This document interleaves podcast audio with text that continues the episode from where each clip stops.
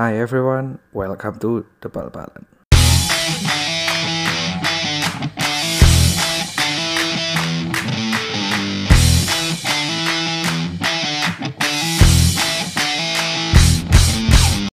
...29 Mei 2019 Balik lagi sama gua Tommy di podcast The Bal-Balan Recap jilid ke-7 Direkam 3 hari dari upload terakhir episode 4 Kemarin minggu ya. Kemarin minggu Gua upload, eh minggu apa Senin ya? Ya pokoknya inilah mepet lah. Episode, kema episode keempat kemarin itu gua rekaman Sabtu sore sama teman gue tuh ke Kodeni dan diupload. Iya Senin Senin Senin. Karena minggu nggak nggak sempat dan sekarang selang beberapa hari sudah record lagi episode recap. Kenapa? Karena gue baru inget bahwa nanti subuh ada match penting nih final Europa League antara Arsenal dan Chelsea. Jadi ya memang harus dibahas lah supaya catch up terus sama timelinenya. Terpaksa ya terpaksa nggak terpaksa sih tapi happy tetap happy kok ngebahasnya. Jadi ya enjoy aja lah. Kayak gitu. Jadi hari ini gue bakal nge-recap uh, ngelanjutin yang recap yang sebelumnya di mana gue ngebahas final cup domestik di beberapa kompetisi klub Eropa gue akan bahas semua run through plus final day-nya Serie A sama final day-nya Liga Prancis yang tidak penting itu. Sama di gue akan closing dengan kasih preview sedikit tentang final Europa League yang tadi gue sebutin dan final Champions League yang juga ternyata bakal dilangsungkan minggu ini. Gue kayak lupa lupa tanggal gitu kan, kayak tiba-tiba uh udah final Champions League aja ya. karena kan itu jaraknya jauh ya antara semifinal ke final. Jadi kayak waktu itu gue mikirnya kayak oh masih lama lah masih jauh. Ternyata udah deket. Kayak gitu. Oke langsung aja tanpa basa-basi. Sebelum basi beneran nih. Kita langsung bahas satu persatu uh, final cup yang udah kejadian minggu kemarin. Yang pertama ini gue sekalian compare sama tebakan gue ya. Di recap sebelumnya kan gue closing sama tebakan ya prediksi skor. Kita lihat nih seberapa tokcer nih tebakan gue apakah Zong? Kayaknya Zong sih. Gue tuh selalu nggak nggak ini men nggak oke okay loh kayak gini ginian tuh. Kayak nggak nggak pernah pas aja. Ya jarang lah banyakkan salahnya. Makanya gue nggak pernah ikut judi bola karena memang udah tahu dong nggak nggak punya nggak punya bakat nih dipermainkan sama bola terus yang nggak apa-apa lah nggak judi biar duitnya awet yang pertama kita langsung bahas final Copa del Rey di mana di sini secara mengejutkan Barcelona dikalahkan oleh Valencia 2-1. Lumayan banyak yang terkejut ya kayaknya. Bukan lumayan banyak ya, hampir semua lah. Hampir hampir semua pasti terkejut karena Copa del Rey itu udah kayak makanannya Barcelona. Men. Barcelona tuh sering banget menang Copa del Rey. Dan ternyata di sini harus kalah sama Valencia yang barusan dikalahin sama Arsenal. Jadi kayak wow, nggak nggak kebayang aja sih, nggak nggak nggak kebayang. Bahkan di prediksi gue kan juga gue bilang bahwa Barcelona bakal menang lumayan mudah ya 3-1 ternyata malah kalah gitu loh. Gue lihat uh, highlightnya gue jujur nggak nonton, gue lihat highlightnya ternyata uh, Barcelona ini ada sedikit kejanggalan ya. Ada sedikit kejanggalan yaitu di mana ada salah satu pemain kuncinya Luis Suarez yang nggak main. Gue coba search berita ternyata dia itu nggak main karena habis menjalani operasi lutut kanan dan harus rehat dua minggu pasca operasi itu. Jadi gue lihat tuh di highlightnya dia tuh duduk di kursi penonton gitu. Bahkan di di subnya nggak ada. Kayak duduk di kursi penonton pakai topi kayak ya kayak penonton biasa gitu. Saya kira kalah ya. makanya kebanyakan gaya sih si tengil ya. Udah tahu mau final operasi kan ngentengin banget kan. Kenapa nggak? Ya udah final dulu ya gue nggak ngerti sih urgensinya. Lututnya dia seperti seperti apa separah apa. Cuma kan ya kalau kayak gini kan lumayan nyesek gitu loh. Lu juga sebagai pemain gimana sih? Gitu kan uh, masih masih ada klubnya masih ada jadwal kok sibuk sendiri gitu. Akhirnya alhasil karena nggak ada Suarez si Valverde yang setelah kekalahan ini dihujat oleh banyak pihak kayaknya lumayan kebingungan gitu untuk memasang uh, pemainnya di depan tuh gimana formasinya. Akhirnya Messi ditaruh di central central uh, forward sedikit ke belakang sampingnya itu ada Coutinho di kiri kanannya ada Sergio Roberto. Ini gue ngakak sama lihat starting line up ya kenapa Sergio Roberto bisa maju sampai sini anjir? Sergio Roberto kan back kanan gitu kan. Kadang ya mentok-mentok dia jadi tengah lah jadi ini jadi apa sayap. Kenapa sekarang jadi gini? Ya formasinya sih bisa fleksibel ya. Mungkin kalau di kertas kan 433 cuma kan prakteknya nggak kayak gitu. Cuma memang ini literally di kanan itu Roberto. Roberto sama Semedo.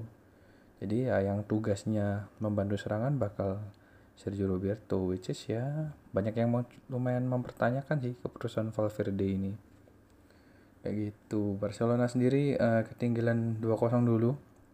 Berkat gol Kevin Gamiro menit 21 dan Rodrigo menit 33 seperti kehilangan arah mainnya nggak rapi.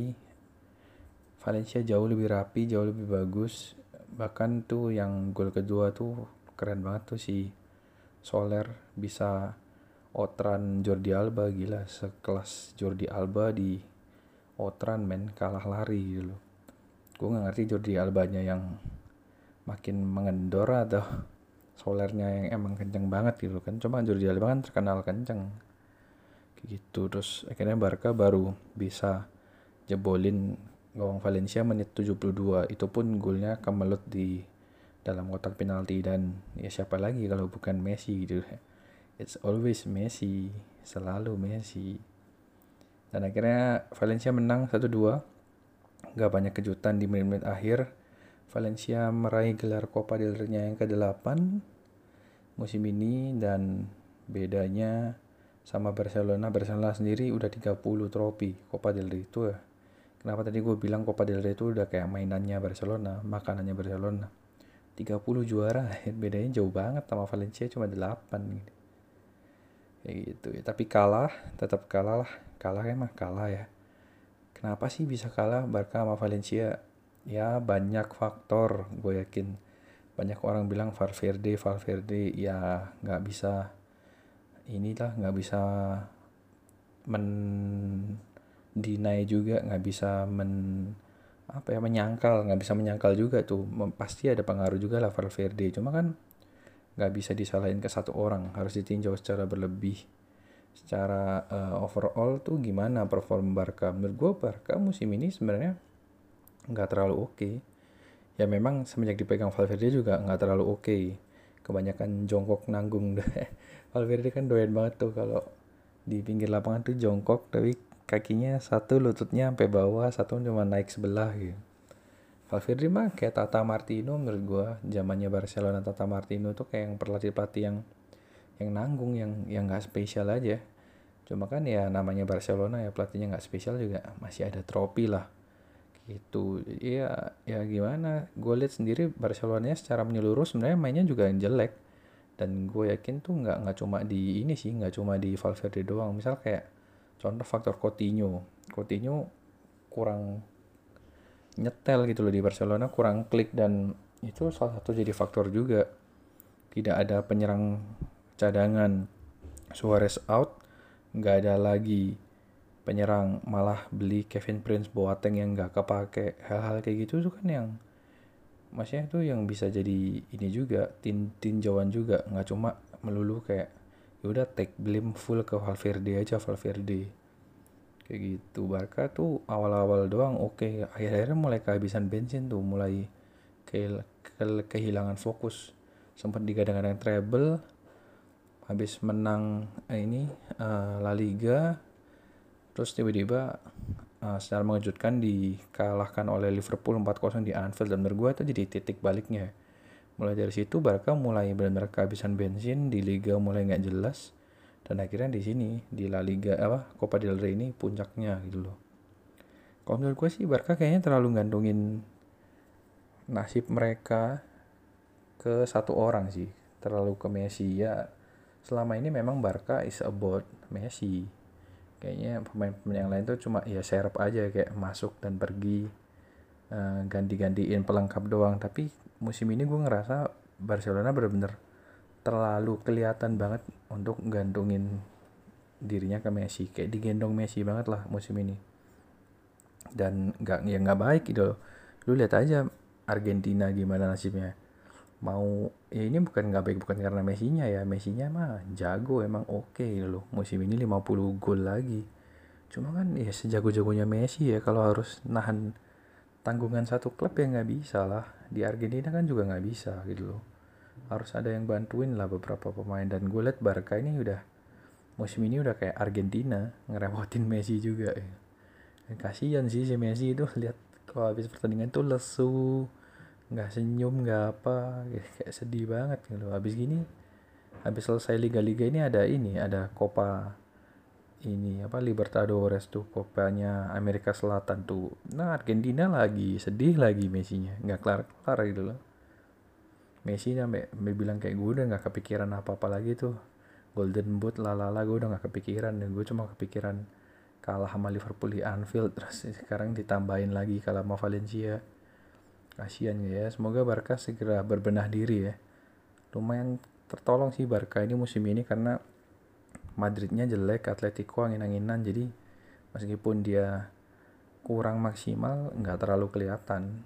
Di Liga paling nggak di Champions League sama Copa del Rey kelihatan kan akhirnya. Jadi kalau dia kayak gini terus masih tetap kayak gini musim depan nggak ada perubahan signifikan terus apa Real Madridnya berbenah dan akhirnya Madridnya dibagus bisa bahaya bisa kebalik nih. Valverde out. Ya out terus. Rumornya gantinya si Roberto Martineznya Belgia. Mas sama aja Roberto Martinez gila. Ya gue ngerti Barca jago ada Messi. Cuma ya pelatihnya jangan ngambil sembarangan juga gitu kan. Kayak gitu. Ya kayak gitulah. Intinya Barca kalah sama Valencia 1-2 prediksi gue salah lanjut yang kedua ya ada Cup DFB Pokal Cupnya Jerman Liga Jerman. Ada RB Leipzig yang dibantai Bayern Munchen 03 Bayern Munich ya itulah gue bingung namanya. 03 men. Di prediksi gue menang sih Munchen cuma menangnya by penalti ternyata lumayan beda jauh ya menangnya. Gue nggak menyangka si Leipzig yang sempat nahan seri Munchen di Liga dibantai habis-habisan di Final Cup ini. Sebuah farewell yang manis buat Robin Ribery dan Rafinya. Kayak kemarin ya terakhir di Liga ya. Berarti mereka tutup season ini, tutup karir mereka di Munchen dengan dua trofi. Wah gila mantap. Iri sih lihat pemain-pemain kayak gini tuh punya ending yang bagus sama klub-klubnya tuh. Gue inget tuh Gerard dulu di Liverpool udah gak ada trofi. Match terakhir dibantai Stock City 6-1 astaga malu-maluin banget lah. Ya Robin Ribery kemarin nggak ngegolin sih. Yang ngegolin ini apa Lewandowski. Kemarin tuh panggungnya Lewandowski.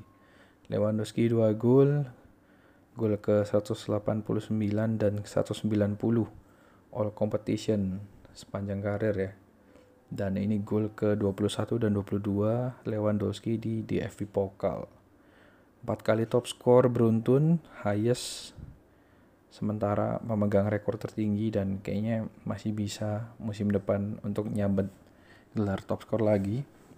Tiga kali beruntun di tiga tahun terakhir ya. Musim ini 7 gol di DFB Pokal. Musim lalu 6, dua tahun lalu 5. Jadi tiap tahun nambah satu ya makin tahun makin tua makin subur. Gokil emang Lewandowski ini salah satu striker yang gue demen banget sih cara mainnya finishingnya. Kayaknya dibandingin yang lain at this moment ya di sekarang zaman sekarang zaman sekarang. Maksudnya di waktu ini striker murni yang paling tajam menurut gue Lewandowski. Ronaldo Messi kan bukan striker tajam. Eh apa? Bukan striker murni ya. Berantakan banget nih bahasanya ya Terus Manuel Neuer tiba-tiba jago lagi. Jadi setelah sempat merosot lama tuh pasca cedera 8 bulan sampai April 2018 sempat digantiin sama Ulrich yang bikin blunder lawan Madrid tuh gue inget tuh blundernya banget ya si Muncan sempat mendapatkan lumayan besar uh, lubang di bagian pertahanan selama beberapa bulan pasca pas cederanya Neuer dan pasca cederanya Neuer. Neuer juga waktu balik dari cedera juga nggak langsung bagus. Sempat jelek juga. Dan akhirnya kemarin seperti melihat Neuer yang lama tiba-tiba jago refleksnya gokil tuh.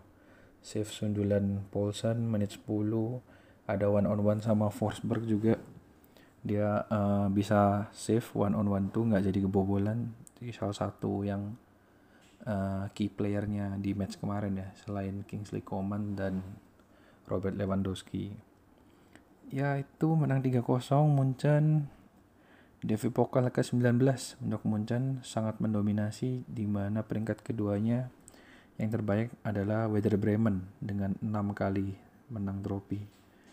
Yang di mana Werder Bremen juga zaman now udah jadi klub yang entah berantah nggak nggak ngerti ini klub klub apa? Kayaknya orang zaman sekarang mah nggak ngerti ya Werder Werder Bremen. Mesut Ozil dari Werder Bremen mana ngerti kalian? Ya mungkin beberapa ngerti lah cuma maksudnya orang nggak nggak ngerti itu Werder Bremen tuh klub apa gitu loh. Musim ini peringkat 8 di Bundesliga ya not bad sih. Tapi ya ya gitu-gitu aja gitu loh. Sebegitu mendominasinya nih Munchen di Jerman. Nggak ngerti lah ke depannya gimana gue lihat Dortmund juga kayaknya makin nggak jelas kayaknya uh, dominasi Munchen masih bakal bertahan lama di Jerman kita lihat saja musim depan ya Terus itu di FA Pokal lanjut ke final terakhir ada EFL Playoff Final. Perebutan slot terakhir ya untuk promosi ke Premier League dimenangkan oleh Aston Villa. 2-1 dari Derby County. Ini menuntaskan hutang Aston Villa di mana musim lalu Doi juga sampai ke final tapi dikalahkan oleh Fulham 1-0 dan akhirnya Fulham yang promosi ya jadi Aston Villa harus tetap stay di Championship di Liga 2. Musim ini kebalikan. Aston Villa yang promosi, Derby yang stay ya. Mungkin musim depan Derby yang promosi, yang lain yang stay ya nggak tahu ya. Kayak gitu. Dan gue lihat matchnya uh, Villa lumayan mendominasi juga. Derby sempat gimana ya? Derby itu menurut gue lebih uh, berapi-api sebelum di final. Dari dari perjalanan di liga sampai ke semifinal. Terus tiba-tiba di final kayak kehabisan bensin. Kemenya jelek banget tuh kemarin di final. Makanya kan sebenarnya diprediksi gue jagoin derby kan. Cuma ternyata ya dia nggak bisa nggak bisa berbuat banyak gitu loh. Aston Villa lumayan uh, mendominasi kemarin. Dan Aston Villa akhirnya uh, eh pertama itu yang ngegulin iya Aston Villa. Aston Villa ngegulin dulu di penghujung babak pertama gol dari El Ghazi. Dilanjutkan sama McGinn di babak kedua. Derby cuma bisa sentil-sentil manja dari gol Waghorn di menit 81 udah tulit banget tuh menit 81 gue pikir setelah gol 81 mungkin bakal mental down Aston Villa dan bisa dua sama supaya lebih seru. Ternyata nggak ada nggak kejadian ya. Kayak gitu. Dan Aston Villa akhirnya kembali ke Premier League. Ya ini salah satu klub yang wajah lama sih yang awal-awal gue nonton Premier League itu Aston Villa udah ada dan sempat hilang sempat jadi pap sempat jadi papan tengah sempat jadi kayaknya hampir papan atas juga pernah kayaknya peringkat 6 atau peringkat 7 terus tiba-tiba mengalami kesusahan tuh gue inget sempat punya pemain-pemain bagus kayak Ashley Young, Christian Benteke, Ashley Young itu diambil ke MU itu tahun duh gua agak lupa tuh. Tahun 2011 kayaknya ya. 2011 2011 diambil ke MU terus uh, ya ya 2011 diambil ke MU terus nggak lama uh, mulai menurun tuh Aston Villa. Masih bergantung pada BNTK banget BNTK sentris dan BNTK sempat ada musim yang gokil banget ya. Berapa gol gitu. Tapi ya akhirnya Benteke juga diambil sama Liverpool dan mulai dari situ udah melorot tuh. Terakhir uh, peringkat peringkat 17 di tahun 2014-2015 hampir degradasi tapi akhirnya setahun kemudian harus melorot dan melorotnya nggak tanggung ya. Langsung juru kunci peringkat 20 kayak gitu. Dan ternyata Aston Villa ini ini main klub ini klub favoritnya Prince William ya. Waduh Prince William sampai nyempetin nonton tuh kemarin. Jadi ya mungkin musim kemarin kalah sama Fulham Prince William BT kali ya tapi tahun ini bisa pulang dengan senyum sumringah karena tim kebanggaannya tim favoritnya belaga kembali ke liga tertinggi di Inggris. Bisa nonton tiap minggu lawan MU lawan Liverpool lawan City. Wah seru lah. Kayak gitu. That's uh, Aston Villa lawan Derby. Tebakan gue juga salah jadi tebakan gue cuma betul satu dari tiga. Itu pun skornya beda jauh. Ya emang nggak bakat lah udahlah. Next mungkin gue bakal tebakan tapi nggak pakai skor kali ya. Supaya nggak malu-maluin. Eh, kemudian ada satu pertandingan lagi ini selipan aja gue masukin ada charity match. Ini pertanda-tanda liga sudah mau selesai nih mulai charity match perdebaran ya ada MU Legend lawan Bayern Munich Legend.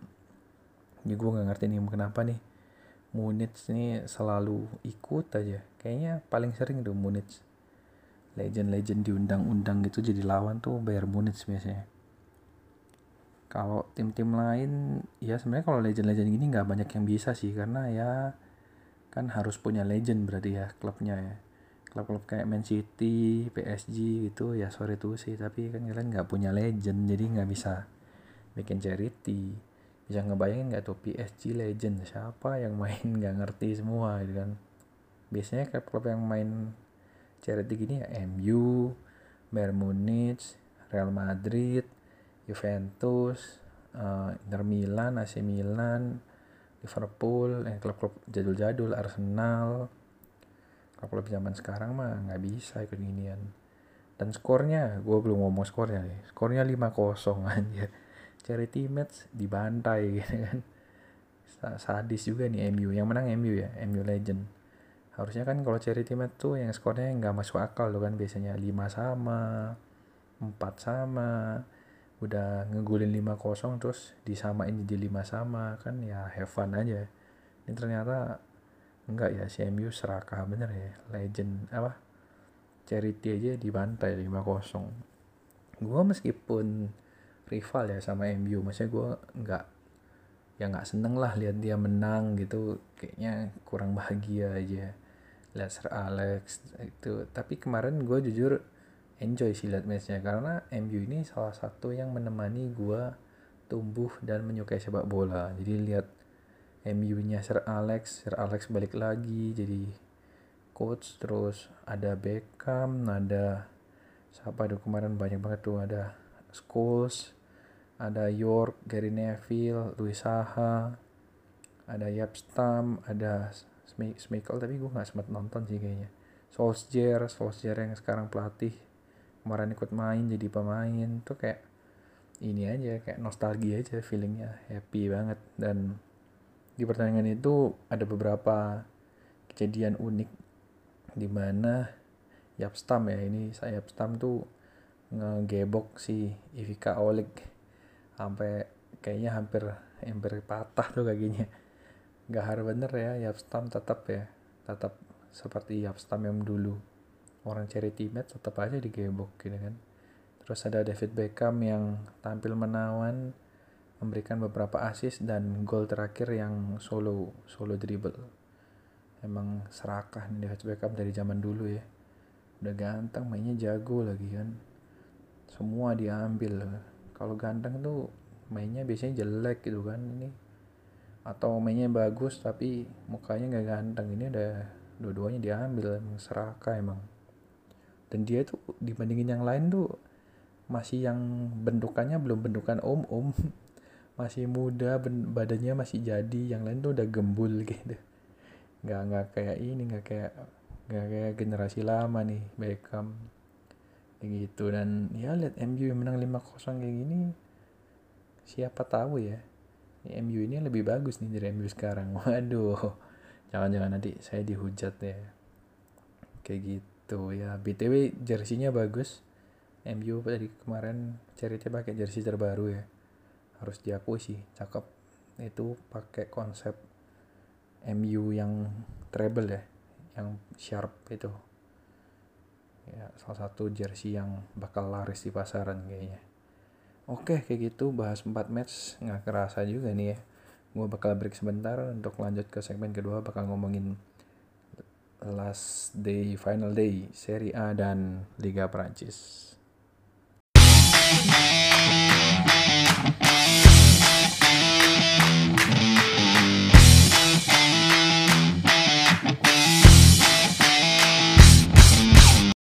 Lanjut ke segmen kedua bakal bahas final day Liga Prancis sama Liga Italia. Ini dua liga yang kantrit kantrit tuh apa ya? Ketinggalan ketinggalan. Dua liga yang ketinggalan baru kelar paling terakhir nih. Yang pertama Liga Prancis gue bakal bahas cepat aja. Karena tidak seru tidak penting dan kayaknya nggak banyak juga yang nonton. Jadi seperti yang gue bilang ya kemarin uh, match day terakhir sebenarnya nggak ngefek. Karena posisi di klasemen nggak bisa bergeser dengan satu match. PSG tetap lolos sebagai juara, terus Lille tetap jadi runner up, Olympique Lyon uh, peringkat 3 masuk Euro Eropa dan Saint Etienne peringkat 4 masuk kualifikasi Eropa. Uh, eh salah ding salah. Masuk 4 itu masuk Eropa peringkat 3 masuk kualifikasi Champions League. Ya kalau nggak lolos baru masuk Eropa kayak gitu. Sedangkan matchnya kemarin uh, Lille kalah ya 3-1 sama Rene. Terus PSG kalah juga sama Stade Reims 3-1 juga. Ya udah udah nggak ngefek. Ini udah males. Tidak ada semangat juang dan nggak ada yang diperjuangin juga nih. Lyon menang 3-2 yang terakhir itu setelah itu Saint Etienne Serie 1-1 ada beberapa klub yang lumayan terkenal tapi nggak ada di perebutan papan atas. Namanya menghilang yaitu ada Marseille. Marseille peringkat 5 sih lumayan lah. Kemarin menang 1-0 beda 5 poin dari Saint Etienne. Harus absen dari kompetisi Eropa nih Balotelli dan kawan-kawan. Kemudian yang paling ngenes ada ini AS Monaco.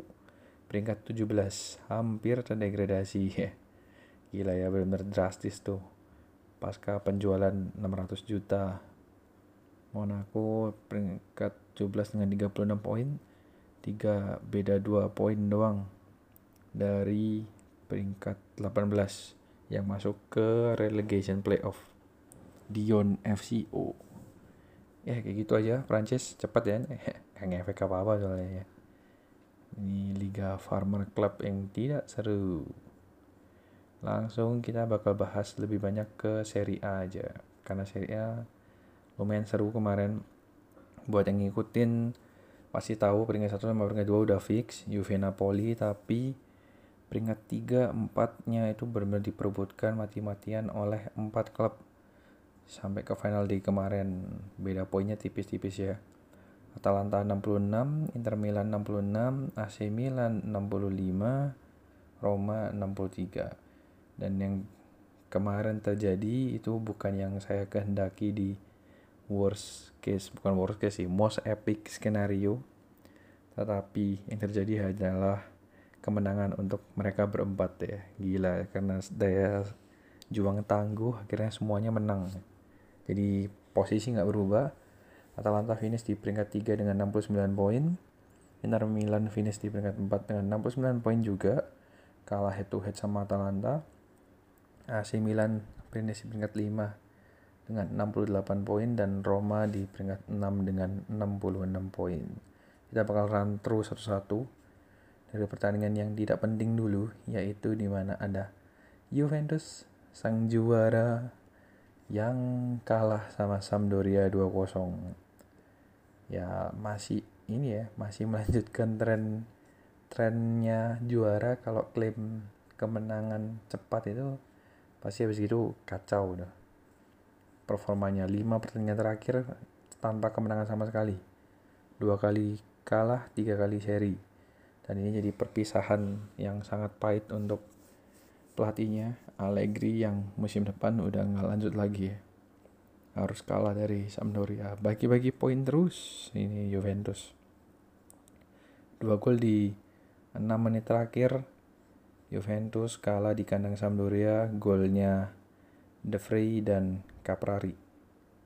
Ya, Quagliarella nggak ngegolin tapi Quagliarella tetap jadi top skornya Serie A. Top skornya Serie A ini ada namanya nih susah banget tapi namanya nih. Capocannoniere. Bacanya gimana ya? Itu ya ya. Pokoknya top skor Serie A ya. Sok-sokan nih baca bahasa Italia. Ya. Capocannoniere.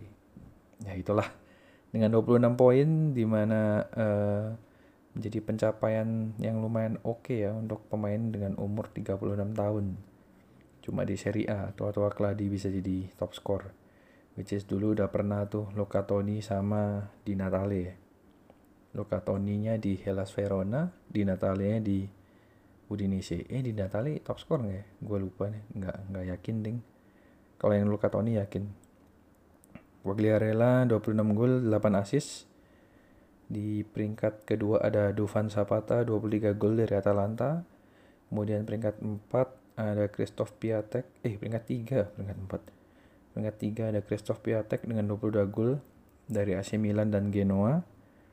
Uh, kemudian ada Cristiano Ronaldo di peringkat 4 21 gol dan Arkadius Milik di peringkat 5 dengan 17 gol dari Napoli.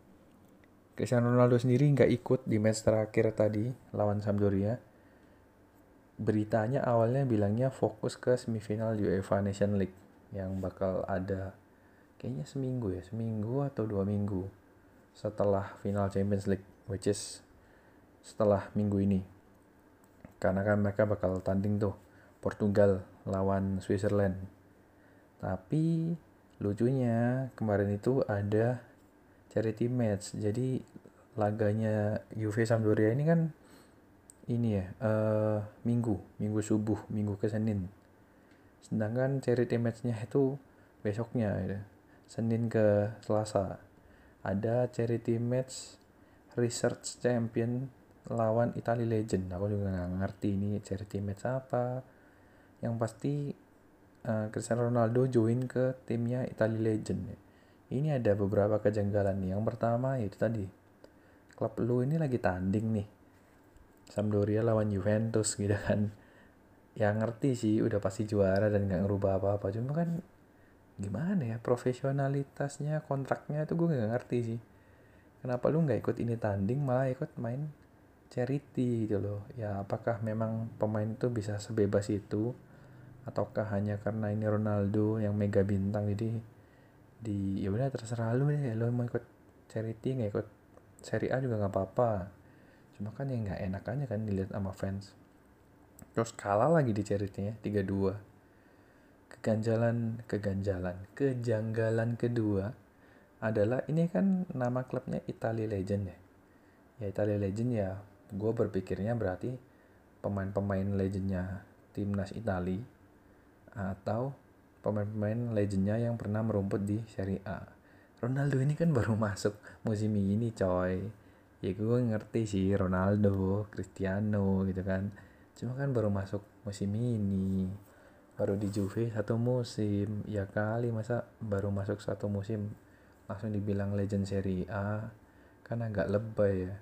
Ini satu tim aja ada Francisco Totti, ada Gigi Buffon, ada Andrea Pirlo, itu semua memang legend gitu loh dari zaman gua bocah ngikutin Serie A mereka udah ada.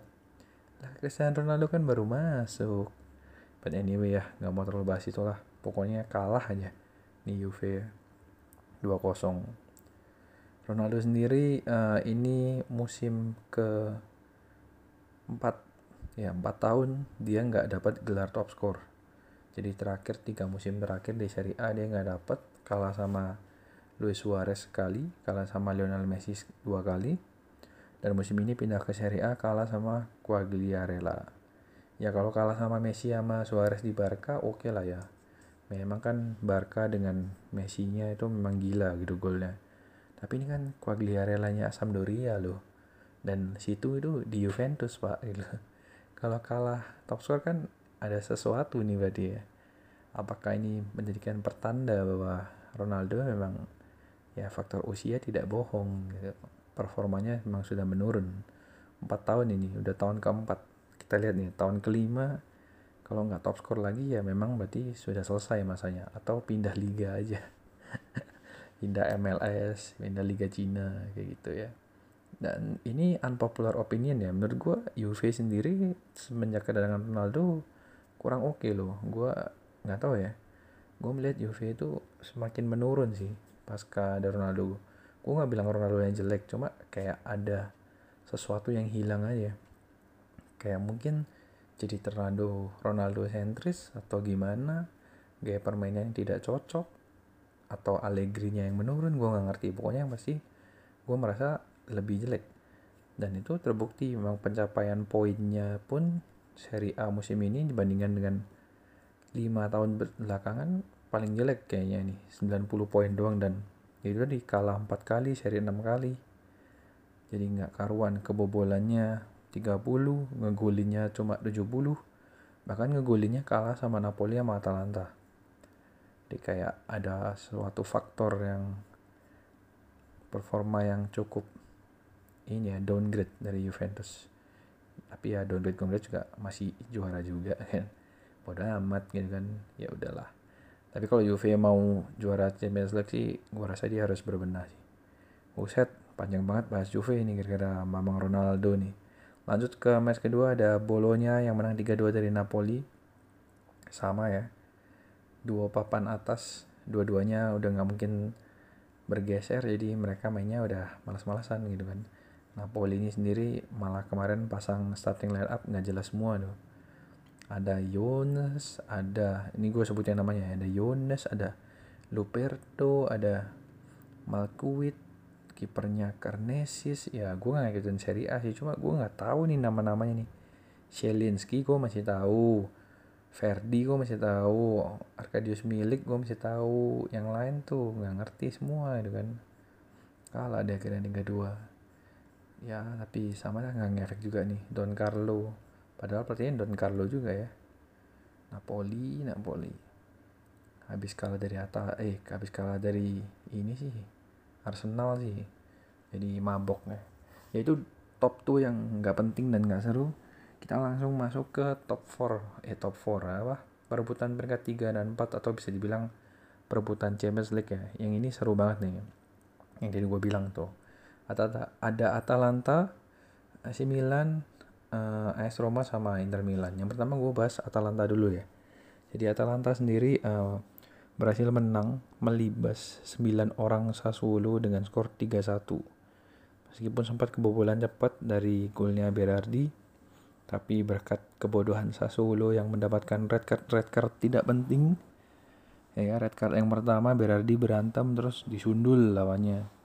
Red card kedua itu uh, dapat second yellow karena terlalu strong argu sama wasit. Ya, gila Serie A kebanyakan red card nih. Kebanyakan drama emang Akhirnya advantage dua pemain Atalanta bisa menyalip ketertinggalan dan menang 3-1. Dan ini sebuah pencapaian luar biasa dari klub sekelas Atalanta yang ya bisa dibilang klub papan tengah lah.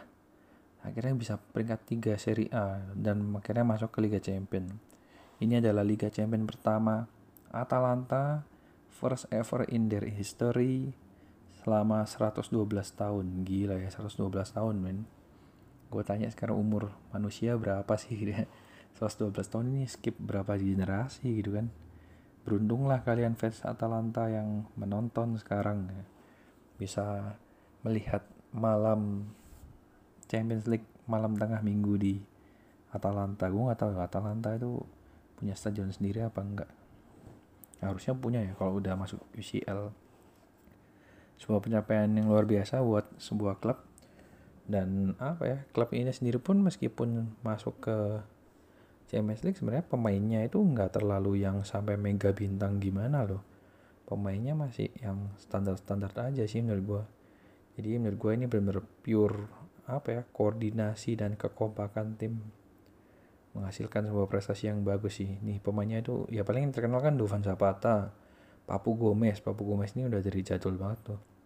Dari zaman Atalanta masih bapuk banget. Terus ada Ilicic kemudian ada Derun. Udah itu doang kayaknya yang terkenal. Kipernya gue nggak tahu. Kastanye Kastanye terkenal lah lumayan lah. Kayaknya ini pemain lama juga. Terus udah nggak tahu Pasalik Pasalik dari Chelsea udah yang lain nggak nggak kenal semua nih. Jadi ya dengan kualitas pemain seperti ini bisa peringkat tiga di Serie A udah sangat oke. Okay. gitu. Kayaknya ada peran dari sang pelatih juga nih si Gasperini semenjak dipegang Gasperini tahun 2016 tuh Atalanta kayaknya jadi bagus banget sih. Dan musim ini pencetak gol yang terbanyak ya Atalanta ya. S gua mention tadi nih 77 gol kedua Napoli 74 ketiga Juve 70 Juve aja 70 ya ini 77 gol. Ya kebobolannya emang banyak sih all out attack kayaknya strateginya. Tapi 77 gol gila sih banyak banget sih. Untuk perbandingan aja di Premier League tuh Chelsea, Spurs, Arsenal, MU 60-an nggak ada yang sampai 70 jadi lumayan chair banget ya dengan pemain seadanya bisa cetak gol segitu banyak kayak gitu. Dan apa ya? Ya bangga sih. Eh kok bangga? Bangga kayak kenal aja loh. Ya, seneng seneng. Seneng aja sih lihat muka baru nih. Atalanta gitu kan. Masuk ke Champions League. Karena dulu seingat gue tuh dia sempet ya mau masuk Champions League. Kayaknya waktu itu dua tahun ya? Dua tahun lalu dua tahun lalu tiga tahun lalu gue lupa. Pernah finish peringkat 4 tapi karena slot UCL-nya seri A cuma 3 waktu itu dia nggak masuk akhirnya. Tapi tahun ini masuk. Luar biasa ya. Kita nantikan nih. Sepak terjang sang wanita. Sang wanita ya. Beneran wanita. Ya logonya kan emang gambar wanita itu. Gambar ini iklan shampoo. Wanita habis keramas terus di dryer. Jayus bener ya semoga nih pemainnya nggak nggak diambil ambilin sih sama klub-klub besar ya. Biasanya nih kalau kayak gini nih pemain-pemainnya yang bagus diambil nih. Dufan Zapata diambil Juve siapa tuh Ili, Ilicic diambil mana kayak gitu. Semoga nggak diambil ambilin dan bisa berkompetisi dengan mantap di Champions League.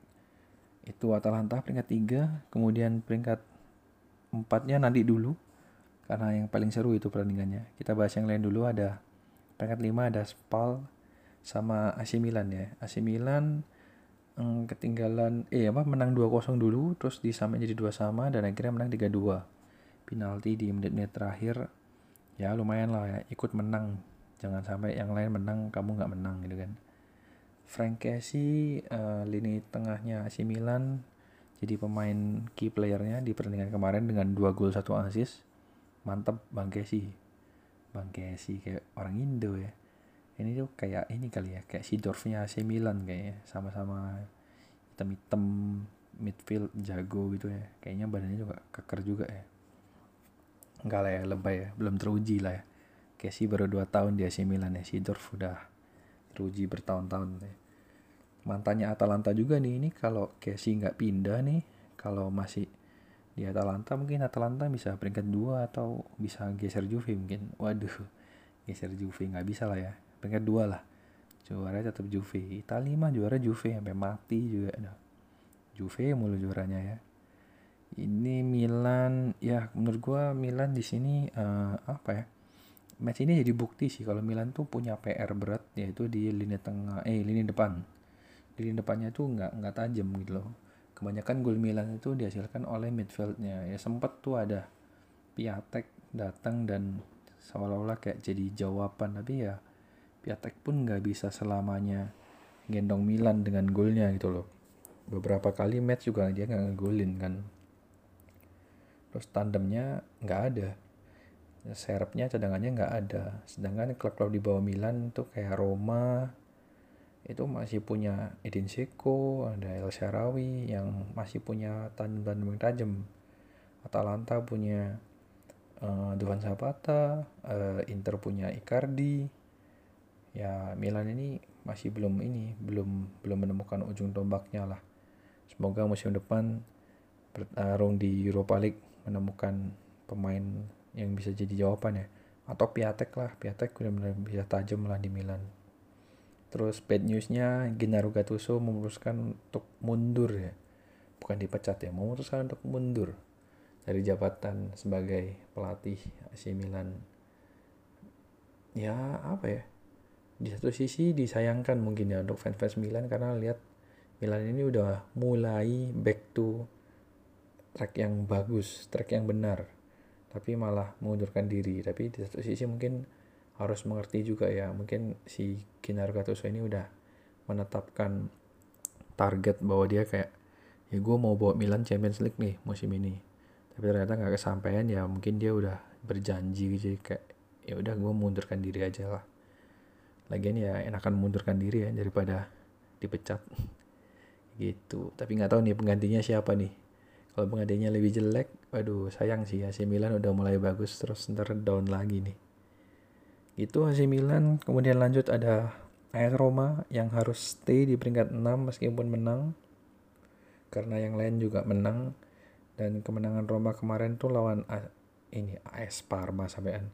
Lawan Parma 2-1 ya. Ini menjadi last matchnya Daniel De Rossi dan Claudio Ranieri.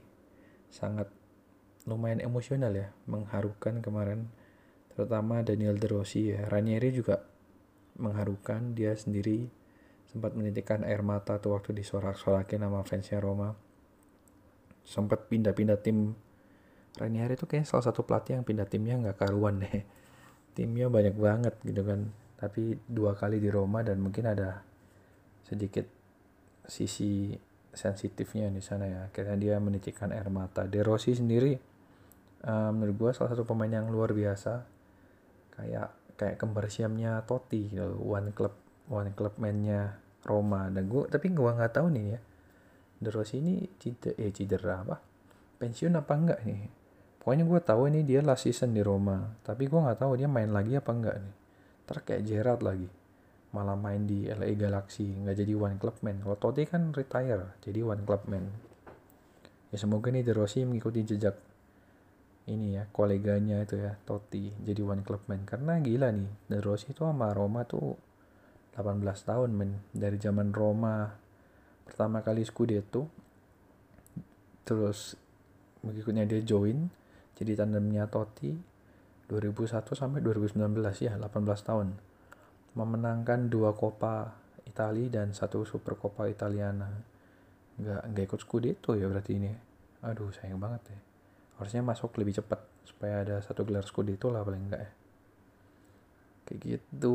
Gue liat De Rossi itu dulu ya ini ya kayak zaman gue bocah kan gue nonton Serie A. Dan kayak gue sempat cerita bahwa gue sempat suka AS Roma. Ya De Rossi ini salah satu pemain yang gue lihat sebagai pemain yang keren. Karena dulu itu pemain midfield tuh keren aja loh. Posisi midfield terus dia kayaknya mukanya gahar gitu kan. Dan mainnya kayaknya bagus jadi tandemnya Totti Totti itu yang kayak flamboyan yang mainnya cantik mainnya cakep skillful. Sedangkan De Rossi ini yang gahar nih yang bagian gepok-gepok nih. Gladiator lah benar-benar true gladiator nih. Dan akhirnya Totti cabut. Terus dia lanjutin uh, jadi kaptennya Roma. Kemudian sampai last man di Roma. Roma datang banyak pemain baru datang banyak pemain-pemain muda dan dia jadi yang paling tua. Dan akhirnya sekarang harus mengakhiri karirnya di Roma ya. Sebuah satu bentuk cerminan contoh Allah apa sih? Ya pokoknya dia itu simbol sebuah keloyalan ya. Loyal sama satu klub yang menurut gue udah lama sih. Pemain yang maksudnya sekarang itu udah susah lihat pemain tuh bisa loyal sama satu klub. Apalagi yang kalau memang benar dia retire bisa menahan egonya untuk nggak main lagi itu it will be very great sih terutama buat Roma fans ya. Ini terakhir kali lihat one man club itu yang gue lihat ya. Gue lihat tuh dalam arti dari awal dia berlaga ya nggak dari awal lah pokoknya gue liatnya dia itu cuma satu klub. Itu kayaknya Totti. Terus apa lagi ya? Tuh kan nggak banyak men Gerard aja mengecewakan banget tuh dia ke LA Galaxy ngapain nggak jelas sumpah. Frank Lampard juga pergi kan. Thierry Henry juga main di MLS banyak pemain-pemain bagus tuh yang malah main. John Terry juga main di Aston Villa itu lebih lebih aneh lagi deh oh ini Puyol Puyol. Puyol uh, Giggs. Ya Giggs aja udah udah beda generasi jauh tuh itu pemain-pemain yang one man club? Safi Iniesta aja nggak one man club kan kayak saya sangat disayangkan sih tapi ya mungkin mereka masih mau main. Kayak gitu. Ya semoga Jerosi ini gue sih pinginnya pensiun aja. Ya lu siapa ya? Kenal Jerosi kagak ya pokoknya gitulah. Gitu. Itu Roma uh, matchnya sendiri berlangsung lumayan sengit ya. Menang 1-0 dulu dari gol bunuh diri pemain Parma Gagiolo. Wah serem nih. Namanya kalau salah sebut bahaya. Kemudian Rossi diganti menit 80 sampai 82 pergantian satu pemain 2 menit. Gila karena tuh gue liat highlightnya tuh semua pemain nyelamatin kasih pelukan gitu. Sampai pemain-pemain Parma juga nyelamatin ya. respect banget. Terus akhirnya uh, setelah De Rossi pergi kebobolan. Emang bawa sial berarti itu yang gantiin De Rossi. Menit disamakan 4 menit sebelum bubaran oleh si mantan African Messi Gervinho. Nggak pakai selebrasi bro respect. Kemudian di golin lagi oleh Perotti. Dan ini match terakhir match pamungkas yaitu Inter lawan Empoli di mana Inter juga menang 2-1 lawan Empoli yang kenapa ini jadi match pamungkas karena menurut gue ini match yang paling seru dibandingin yang lain dengan situasi segenting itu ini match yang paling gila. Kenapa? Karena mungkin kalau Atalanta, terus Roma dan Milan itu mereka memperebutkan spot UCL tapi lawannya itu di papan tengah. Jadi lawannya itu kayak nothing tulus, nggak ada semangat juang. Lu mau menang juga kurang ada motivasi lah. Karena kan nggak gagalin orang masuk, eh nggak gagalin orang juara juga, jadi nggak terlalu nggak terlalu ada motivasi. Sedangkan Inter dan Empoli di sini Inter posisinya paling gending paling dekat sama peringkat 5-6 paling dekat dari out ke Europa League dari Champions League out. Ngomong berantakan bener lah. Ya pokoknya gitulah. Pokoknya dia yang paling gampang keluar dari zona champion sedangkan Empoli itu juga memperjuangkan keluar dari zona degradasi. Jadi sama-sama mau ada yang diperjuangin lah. Empoli itu waktu itu kayaknya beda. Poinnya sama Genoa itu satu poin ya beda satu poin.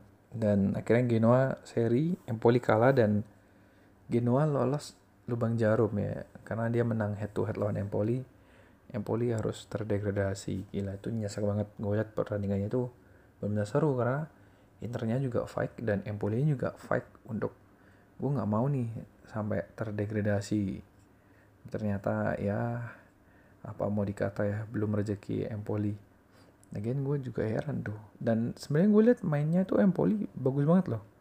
Gue heran nih permainan sebagus ini kenapa bisa peringkat segini bawah gitu kan? Harusnya paling nggak ada di papan tengah lah. Tapi ternyata ya terdegradasi ya mungkin nggak ini nggak konsisten ya. Jadi pertandingannya tuh kemarin uh, yang pertama Inter gol dulu. Babak pertama nggak ada nggak ada kejadian apa-apa. Babak kedua babak pertama cuma ada beberapa peluang lah. Itu si kipernya Empoli sih yang paling gila tuh Dragowski Dragowski itu. Dia benar-benar bagus banget save save tendangan jarak jauh dan akhirnya mungkin Inter ini ya Inter notice. Dan akhirnya babak kedua dia masukin kita kita Baldi which is uh, strategi ini diganti. Nggak jadi long range shot tapi jadi tendangan jarak dekat yang teleser teleser itu apa ya? Mendatar. Yang berna yang mendatar. Dan akhirnya beneran kebobolan. Menit 51 6, 6 menit mulai udah kebobolan. Uh, terus kemudian yang poli masih berusaha untuk membalikan eh untuk menyamakan dan akhirnya kejadian. Menit 76 Empoli bisa menyamakan kedudukan. Udah satu sama tuh satu sama tuh berarti harusnya kalau satu sama AC Milan yang ini masuk zona Liga Champion tapi ternyata uh, kenyataan berkata lain ya. Masih berpihak pada Inter Milan. Nainggolan akhirnya ngegolin di menit-menit akhir dan mengirim Inter Milan untuk stay ke zona Champions League. Sebenarnya nggak menit-menit akhir juga sih 81 lah. Kayak gitu. Lah yang lucu tuh ada kejadian unik tuh. Menit-menit terakhir kan uh, Empoli ada nyerang dari corner kick terus apa kipernya maju kan. Biasa kan kalau udah kepepet-pepet gitu kipernya maju. Terus kemudian bolanya ternyata bisa di clearance dari sama Inter dan udah digulin kipernya pas lari mundur tapi dijegal sama kita Baldi. Dodol ya maksudnya gini loh lu kan udah menang 2-1 skor juga nggak mungkin berubah. Malah skornya malah bisa nambah kan? Kenapa lu jegal gitu kan? Akhirnya jadinya kartu merah malah kartu merah nggak penting ya emang. Itu seri A seri A. Ya kayak gitulah. Kasihan sih gue liat Empoli harus ada degradasi tuh kayak liat pemain lesu gitu setelah pertandingan tuh kayak wah gila kasihan banget ya. Tapi ya gimana lagi memang kayaknya memang Inter juga lebih layak untuk mendapatkan kemenangan hari itu. Kayak gitu. Btw Inter juga pakai baju barunya. Cakep sih perubahan yang lumayan drastis. Birunya itu jadi gonjreng lagi jadi jadi cerang lagi. Cerang apa? Cerah. Cerah dan terang jadi cerang ya sorry. Uh, setelah beberapa, tahun tuh kemarin Inter uh, birunya biru biru gelap itu gitu. Ya I think that's it. Itu akhirnya dengan demikian ditutup semua pertandingan-pertandingan final dan liga. Pertandingan-pertandingan final dan liga. Pertandingan-pertandingan terakhir Cup dan Liga Eropa. Gila nyusun katanya susah banget ya gitu. Dan ya yang tersisa tinggal dua match nih adalah final Europa League nanti subuh dan final UCL nanti akhir minggu subuh. Gue akan bahas teaser cepat aja. Gue akan lanjutkan dengan segmen andalan ya.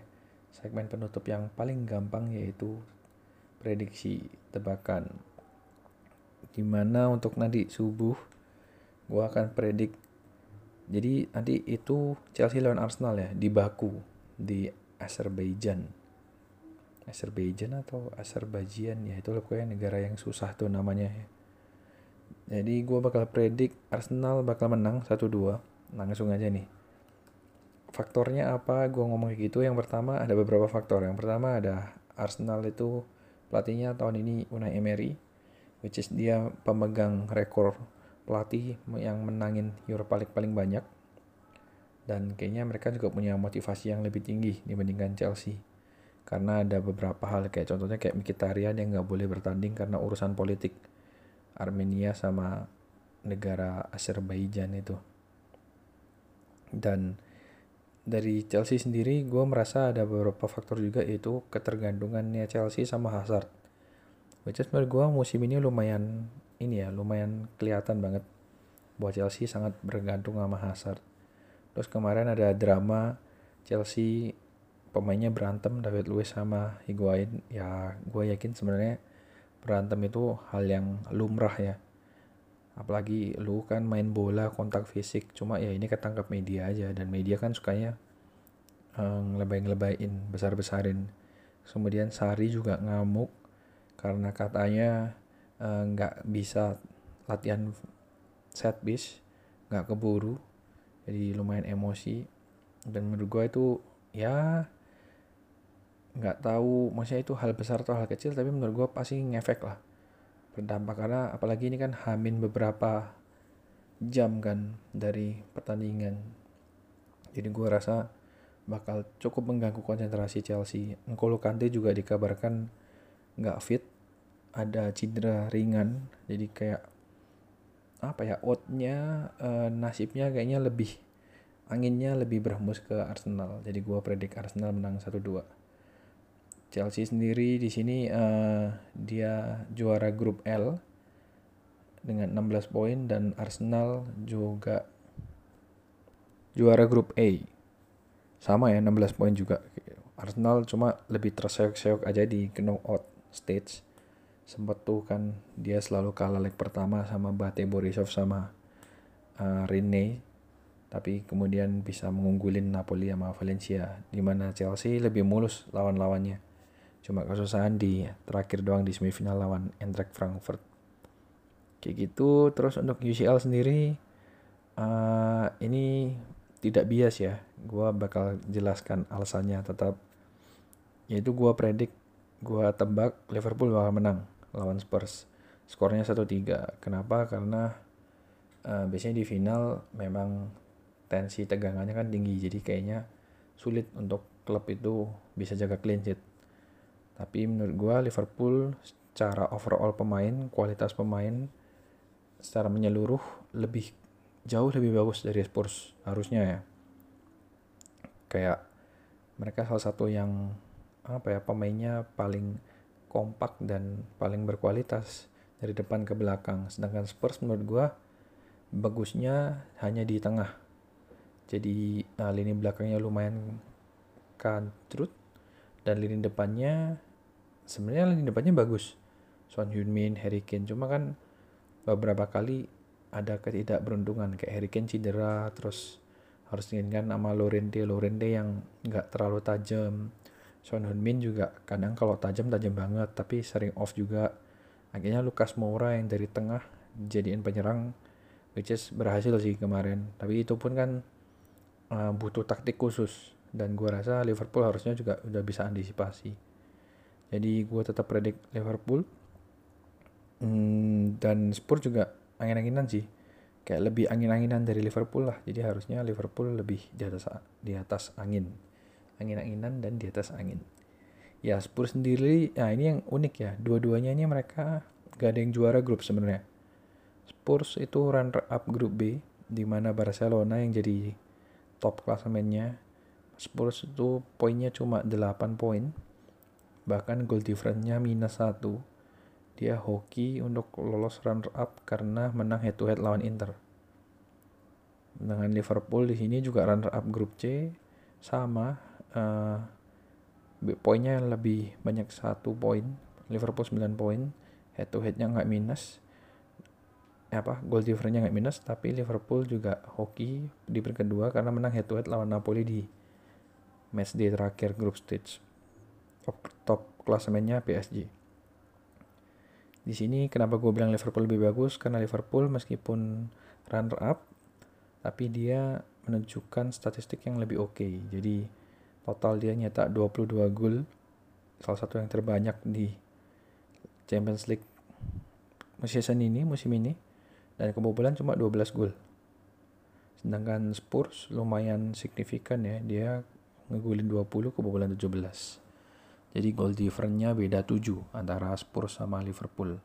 That's why kenapa gue merasa ada perbedaan yang lumayan jomplang harusnya dari segi kualitas bermain dan mungkin pengalaman juga ya. Spurs kan ini pertama kali berada di final sedangkan Liverpool udah beberapa kali termasuk yang dalam dua tahun beruntun. But anyway, it's final. Apa pun bisa terjadi. Banyak faktor yang mempengaruhi mental, uh, apa pun bisa jadi di lapangan uh, ada penonton juga terus stadion yang netral bukan home bukan away jadi menurut gue banyak faktor dan apa ya berharap bisa enjoy aja matchnya. Dan kita lihat semoga yang menang benar-benar menang pure menang sportif. Kita bisa lihat final yang seru dan ini bisa jadi pertandingan yang sangat menghibur untuk menutup season ini. Gua mungkin akan record apa ya record nyantai. Kayak waktu gua record prolog pas gua main FIFA nanti pas nobar. Karena gua rencananya bakal nobar nih Europa League Final nggak tahu jadi apa nggak. Kalau jadi mungkin gua akan record. Kalau nggak jadi ya gua nggak record. Kayak gitu. Oke ya sekarang mungkin istirahat dulu ya. Nyiapin nanti nonton nanti malam. Jam 2 soalnya. Buset. Oke gua rasa gitu aja. Uh, thank you buat semua yang udah dengerin. Uh, jangan lupa follow The Bal-Balan di Instagram. T H E B A L 2 A N. Terus juga uh, stay tune di podcast kita di platform-platform podcast mana aja. Ada Spotify ada Anchor ada Google Podcast dan Apple Podcast. Kayak gitu. Oke gitu aja deh. See you nanti subuh di Baku. Waduh kayak nonton aja maksudnya nggak nonton live ya. See, see you in angan-angan. Oke okay, thank you. Bye bye